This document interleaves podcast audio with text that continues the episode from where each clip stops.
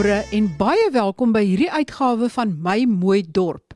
Die program waar ons alle inwoners van alle dorpe wil help om weer van hulle dorpe modeldorpe te maak en daardeur ook alle gemeenskappe meer floreerend te maak. In hierdie episode gesels ek met Antoinette Slabbert. Sy is sakejoernalis by Rapport en ons gaan kyk na die elektrisiteitsvoorsiening by dorpe en gebiede rondom dorpe. Byvoorbeeld, wat is die verantwoordelikheid en pligte van 'n plaaslike owerheid, van Eskom? Hoe kan jy van die netwerk afgaan?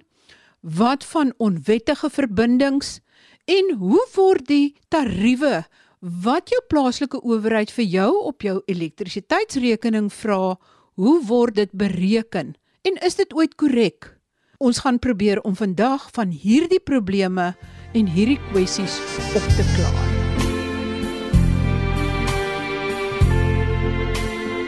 In die grondwet is die inwoners en burgers van die land se reg op basiese skoon water of op watervoorsiening is verskans in die grondwet. Jy mag nie meer as 7 dae 'n jaar sonder water wees nie. Is daar enige iets wat sê dat die regering vir sy mense, met ander woorde die inwoners van die land, elektrisiteit moet verskaf? Kan mens daarop aanspraak maak sover jy weet? Môre Marie, daar is nie in die grondwet soos wat betref water 'n fundamentele reg op elektrisiteit gestipuleer nie. Daar was wel al uitsprake in die Hooggeregshof wat in daai rigting gaan, maar dis nog nooit deur die grondwetlike hof bevestig nie. Maar as 'n mens nou mooi dink, dan besef jy in ons moderne samelewing is elektrisiteit maar grondliggend aan alles. So implisiet is dit eintlik 'n fundamentele reg want as jy nie elektrisiteit het nie, dan werk die dorp se waterpompe nie. Dan gaan jy ook nie water hê nie. Die lykshuise gaan nie werk nie. Ag daar is 'n legio goed wat ek dink uh, die dorpe waar krag al afgesny is beleef het. So uh, dit is definitief grondliggend aan ons moderne samelewing. Die Hooggeregshof saak waarin spesifiek na uh, elektrisiteit as 'n basiese reg verwys is, is Joseph versus City Power en dit was in die Gautengse Hooggeregshof. Hoe werk elektrisiteitsvoorsiening deur 'n munisipaliteit. Ek kyk byvoorbeeld na dorpe en streke en dan sekere dorpe kry of sekere gebiede kry dit direk van Eskom en dan kry die mense binne in die dorp kry dit van die munisipaliteit af. Hoe werk dit? En dan as die munisipaliteit die elektrisiteit verskaf aan sy inwoners, mag hulle wins maak daarop? Nommer 1 Nommer 2 is daar 'n formule waar volgens hulle die tarief aan hulle inwoners moet bereken. En die derde punt is hou hulle by hierdie formule. En die vierde punt is as hulle by hierdie formule hou, sal hulle genoeg inkomste kry om waarlik aan hulle begroting te voldoen en dienste te kan lewer aan die inwoners van daardie gebied waarvoor die plaaslike owerheid verantwoordelik is. En as daar skielike bepaling uitkom wat sê hulle mag laat nie wins maak nie, hulle moet by daai formule hou, gaan daar nog meer dorpe en plaaslike owerhede in die moeilikheid kom omdat hulle dan nie dienste kan lewer nie. Hoe groot dink jy is hierdie probleem? Wat help dit as hierdie mense die formule volg? en die plaaslike owerhede stort nog verder in duie. In die meeste munisipaliteite sal 'n mens vind dat daar dele van die munisipale regsgebied is waar Eskom direk aan verbruikerskrag verkoop. Dit is eintlik maar 'n historiese situasie waar Eskom in die verlede meestal die plaasgebiede en ook die townships van krag voorsien het en die munisipaliteit wat vroeër jare beperk was tot die hoofdorp eintlik maar net in die dorp krag voorsien het. Nou dit is op die oomblik 'n groot twispunt tussen Eskom en die munisipaliteite. Munisipaliteite voer aan dat hulle die eksklusiewe reg het in terme van die grondwet om krag te versprei en Eskom sê nee, dit hulle kan dit ook doen. So daar gaan waarskynlik kort voor lank 'n uh, aansoek voor die grondwetlike hof wees. Salga die vereniging van munisipaliteite het reeds besluit om so 'n aansoek te bring vir 'n verklarende bevel sodat daar vir eens en vir altyd duidelikheid kan wees oor wie die hoofreg het om krag te versprei in gemeenskappe. Op die oomblik probeer Eskom oorneem by dorpe waar die dorpe sukkel om hulle Eskom rekeninge te betaal. Hulle wil dit op 'n agentskapsbasis doen en van die dorpe soos Maluti Apofong wat in Harry Smit gesetel is, skop baie sterk daarteen. Hulle voer aan dat Eskom reeds inbreuk maak op sy eh, reg om inkomste te verdien uit kragverkope deur in sy regsgebied direk aan verbruikers krag te verkoop en dat Eskom eintlik vir hulle geld skuld. So 'n munisipaliteit mag wins maak uit elektrisiteit, maar dit is beperk. Volgens wet mag 'n munisipaliteit die koste verhaal deur kragtariewe wat dit hom kos om krag op te wek plus 'n redelike winsgrens. Nou daar word nie bepaal presies wat 'n redelike winsgrens is nie en die energiereguleerder NERSA moet hierdie tariewe goedkeur. Wanneer hy dit goedkeur, neem hy ook iets soos bekostigbaarheid in ag en dan kan hy daai winsgrens bietjie hoër meer toelaat of dit 'n bietjie sny. Nou wat op die oomblik gebeur met die vaststelling van munisipale tariewe is dat baie min munisipaliteite regtig weet wat dit hulle kos om krag op te wek. Hulle moet kostestudies doen. Nersa het al 'n hele paar jaar gelede gesê hulle moet kostestudies doen, maar baie min munisipaliteite het dit nog gedoen. En in die stadium word daar eintlik maar net aan die hand van 'n riglyn wat Nersa elke jaar publiseer, verhogings toegestaan. So daar is partye wat hierdie kwessie na die hof toe wil neem en munisipaliteite wil dwing om werklik te bepaal wat hulle koste is en te hou by die wetsvoorskrifte oor hoe tariewe moet bepaal word. En daar is byvoorbeeld 'n munisipaliteit soos Maribeng, dit is in Brits hier in Noordwes wat onlangs 'n koste-studie gedoen het en dit het getoon dat hulle tariewe eintlik te hoog is, hulle oorverhaal van verbruikers. So Ek sou verbruikers aanraai om druk op hulle munisipaliteite uit te oefen om daai koste-studies te doen sodat ons weet dat ons nie meer betaal vir elektrisiteit as wat ons hoef nie. En die kragverkope is weliswaar een van die hoofbronne van 'n munisipaliteit se inkomste, dit tesame met eiendomsbelasting. En as hulle nie kan wins maak uit elektrisiteit nie, dan sal dit definitief hulle lewensvatbaarheid raak. Dit is nodig dat daar van vooraf gekyk word na die finansiële model van munisipaliteite. Maar onthou as hulle hou by die voorgeskrewe formule en hulle wins dis kleiner is, dan kan hulle nog altyd hulle eiendomsbelasting verhoog om genoeg inkomste te verhaal om die nodige dienste te lewer. Maar ek dink in die eerste plek moet daar op doeltreffendheid gefokus word sodat ons weet ons betaal net vir dit wat werklik nodig is om krag op te wek. Is jou rekening noodwendig reg? Is tog nie dalk fout met die berekening nie of nie dalk fout met jou meter nie en hoe kan jy hierdie probleem oorkom en bewys dat jou rekening verkeerd is? En is dit 'n groot probleem? Verbruikers word dikwels gekonfronteer met kragrekeninge wat glad nie sin maak nie.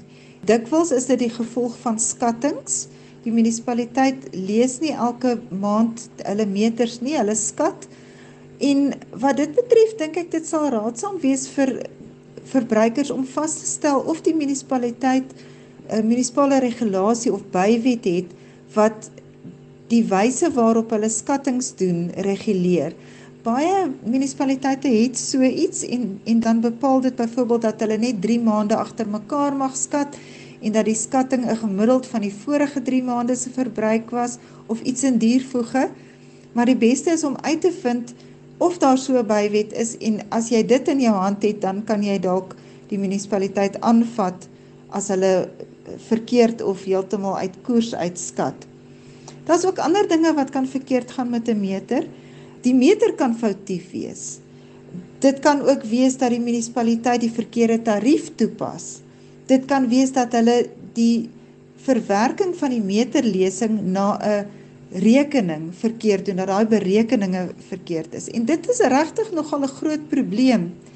Byvoorbeeld by Magalies water was daar nou 'n onlangse probleem waar hulle 'n nul bygesit het op die uh, eh, BTW wat gehef is. Uh, so dis 140% of 150% in plaas van 15%. En verbruikers moet hulle rekeninge nagaan en dit opneem met die munisipaliteit as daar 'n probleem is. Hulle kan 'n dispuut verklaar wat sal beteken dat daar eh, nie teen hulle opgetree kan word deur hulle kragtoevoer te sny nie. Daar is in die van die munisipale wette is die prosedure uiteengesit hoe dit gedoen word, maar ek weet Afriforum het ook aanwysings daarvoor op hulle webblad gehad. Uh, dit is gereedelik beskikbaar, maar die munisipaliteit behoort ook te kan help. En dan is daar kundiges wat 'n meter kan toets. Sommige gebruikers gaan so ver as om 'n parallelle meter te installeer. So langs die munisipale meter het hulle ook hulle eie meter sodat hulle data het waarmee hulle die munisipaliteit kan konfronteer as daai rekening nie sin maak nie. Dan oor die onwettige gebruik, die onwettige gebruikers. Het jy enige idee hoe groot die probleem is as jy miskien Johannesburg se syfer kan noem van 29%? En is dit so dat al hoe meer sakeondernemings en nywerhede en besighede dan nou ook van onwettige verbindings gebruik maak. Want dit is ook wat ek agtergekom het wat in baie dorpe gebeur is in die eerste plek is die baie onwettige verbindings wat hulle glad nie die inkomste van kry nie en dan is daar baie nie betalers nie. Die mense betaal eenvoudig nie, maar die munisipaliteit sny ook nie noodwendig hulle krag af nie. Wel hier in die Parel is jy net 'n halwe dag oor die tyd is, dan sny hulle jou krag af. Maar in hierdie plattelandse dorpies waar die munisipale bestuurder en van die munisipale werkers eintlik in daai gemeenskap lewe, sny hulle dit nie af nie. En die ander ding wat ek ook agtergekom het, is dat by die onwettige verbindings dan gaan maak die munisipaliteit herstel dit en hulle swys daai ding toe en hulle maak dit heeltemal reg.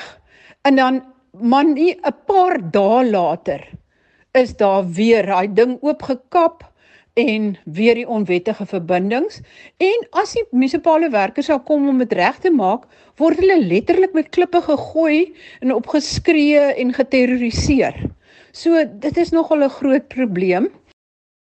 Hoe kan dit oorkom word? Onwettige kragverbruik het sy deur met meters te Peter of onwettige verbindings in te stel of iemand in die raad om te koop om jou jou rekeninge bietjie laer te maak.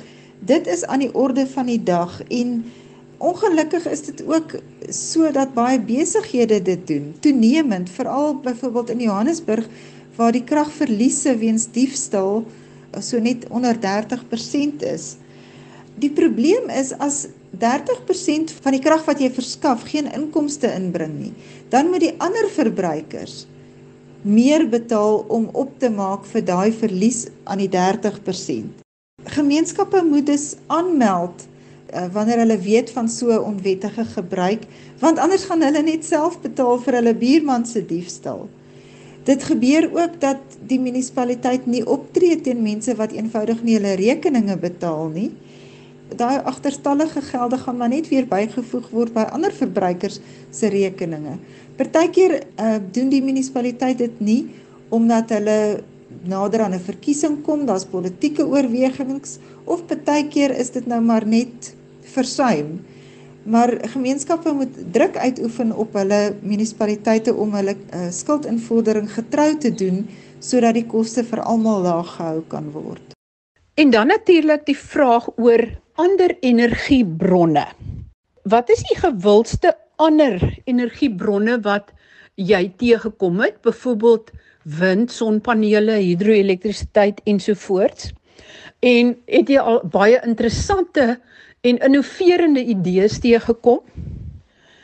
As jy jou eie sonpanele het, maar jy steeds aan die netwerk gekoppel, moet jy dan nog steeds iets aan die munisipaliteit of aan Eskom betaal en gaan daai tariewe dat dit bloot die beskikbaarheid van die netwerk is, gaan dit dan verhoog word. Gaan dit dan nog steeds op die einde die moeite werd wees om jou sonpanele in te sit in jou deels van die uh, grid af te kry. En as mens nou sonpanele en windturbines en allerlei goed op het, is daar 'n manier wat mense dit kan terugsit in die stelsel of kan terugverkoop in die stelsel? As dit nog nie beskikbaar is nie, dink jy dit gaan binnekort beskikbaar word en dink jy dit sal 'n goeie vergoeding wees van Eskom of die plaaslike owerheid af vir daai ekstra energie wat jy dan terugplaas in die netwerk in? Weens die hoë kragtariewe is verbruikers besig om al hoe meer te kyk na ander bronne van kragopwekking en ook die stoor van krag. Ek dink vir huishoudings is die gewildste en bekendste nou maar die sonpanele op die dak en dan ook batterye wat daarmee saamgaan. Die meeste gebruikers kan nie regtig 'n groot genoeg stelsel uh, in hulle huis installeer om heeltemal onafhanklik te raak van die kragstelsel van Eskom en die munisipaliteit nie en daarom moet hulle nog steeds wanneer hulle krag te min is, kom ons sê wanneer die son nie skyn nie, staat maak op die Eskom stelsel. Nou moet 'n mens verstaan, Eskom of die munisipaliteit moet vir daai uur of 2 of hoe lank dit ook al is wat die uh, verbruiker wel sy stelsel wil gebruik, moet daai kragverskaffers die netwerk en die kragopwekkingsvermoë daarstel en in stand hou. So op die oomblik is die meeste munisipaliteite se tariewe nog nie regtig ingerig vir hierdie tipe van verbruikspatrone nie, maar ons verwag dat hulle toenemend die vaste koste komponent van hulle tariewe gaan vergroot om daarvoor voorsiening te maak dat hulle beskikbaar is wanneer die verbruiker hulle nodig het en dat die energiekomponent, dit wat jy betaal per kilowattuur, kleiner gaan word. So verbruikers wat van plan is om vir hulle sonpanele of sulke tipe stelsels in te rig by hulle huise, moet in gedagte hou dat die tariefstruktuur van die munisipaliteit en Eskom kan verander en dat dit later dalk vir hulle 'n groter tarief tot gevolg gaan hê as wat hulle nou as wat dit nou lyk hulle gaan betaal. Dan is daar ook toenemend munisipaliteite wat 'n tarief het vir die terugkoop van elektrisiteit. As daai sonpanele nou meer opwek as wat die verbruiker nodig het, dan kan dit teruggestoot word in die stelsel en hy kry 'n krediet daarvoor. Dit sal oor die algemeen nie so werk dat die verbruiker op die ou end geld kan uitkry nie. Hy gaan bloot sy rekening kan laag hou. En dit gebeur weliswaar al op sekere plase. Eskom het ooreenkomste met uh, van die boere gesluit waar dit reeds geskied en daar is enkele munisipaliteite waar dit ook reeds gebeur. So vinnig kom ons dan alweer aan die einde van vandag se program. Volgende week gesels ek verder met Antoinette Slabbert, sakejoernalis van Rapport en dan gaan ons kyk na die herverkoop van elektrisiteit. Soos by 'n groot winkelsentrum waar die elektrisiteit aan 'n spesifieke entiteit verskaf word wat dit dan weer versprei aan die huurders in daardie winkelsentrum. Is daardie verspreider geregtig op groot winste en maak hy groot wins op daardie elektrisiteit wat hy herverkoop? Jy gaan verbaas wees. Tot volgende week dan wanneer ons gesels oor nog aspekte wat jou dorp raak. Laat weet my gerus van projekte kwessies, probleme, vooruitgang, dinge wat regloop, dinge wat verkeerd loop in jou dorp, sodat ons kan kyk of ons kan help met raad deur kundiges. Groete van my, Marie Hudson.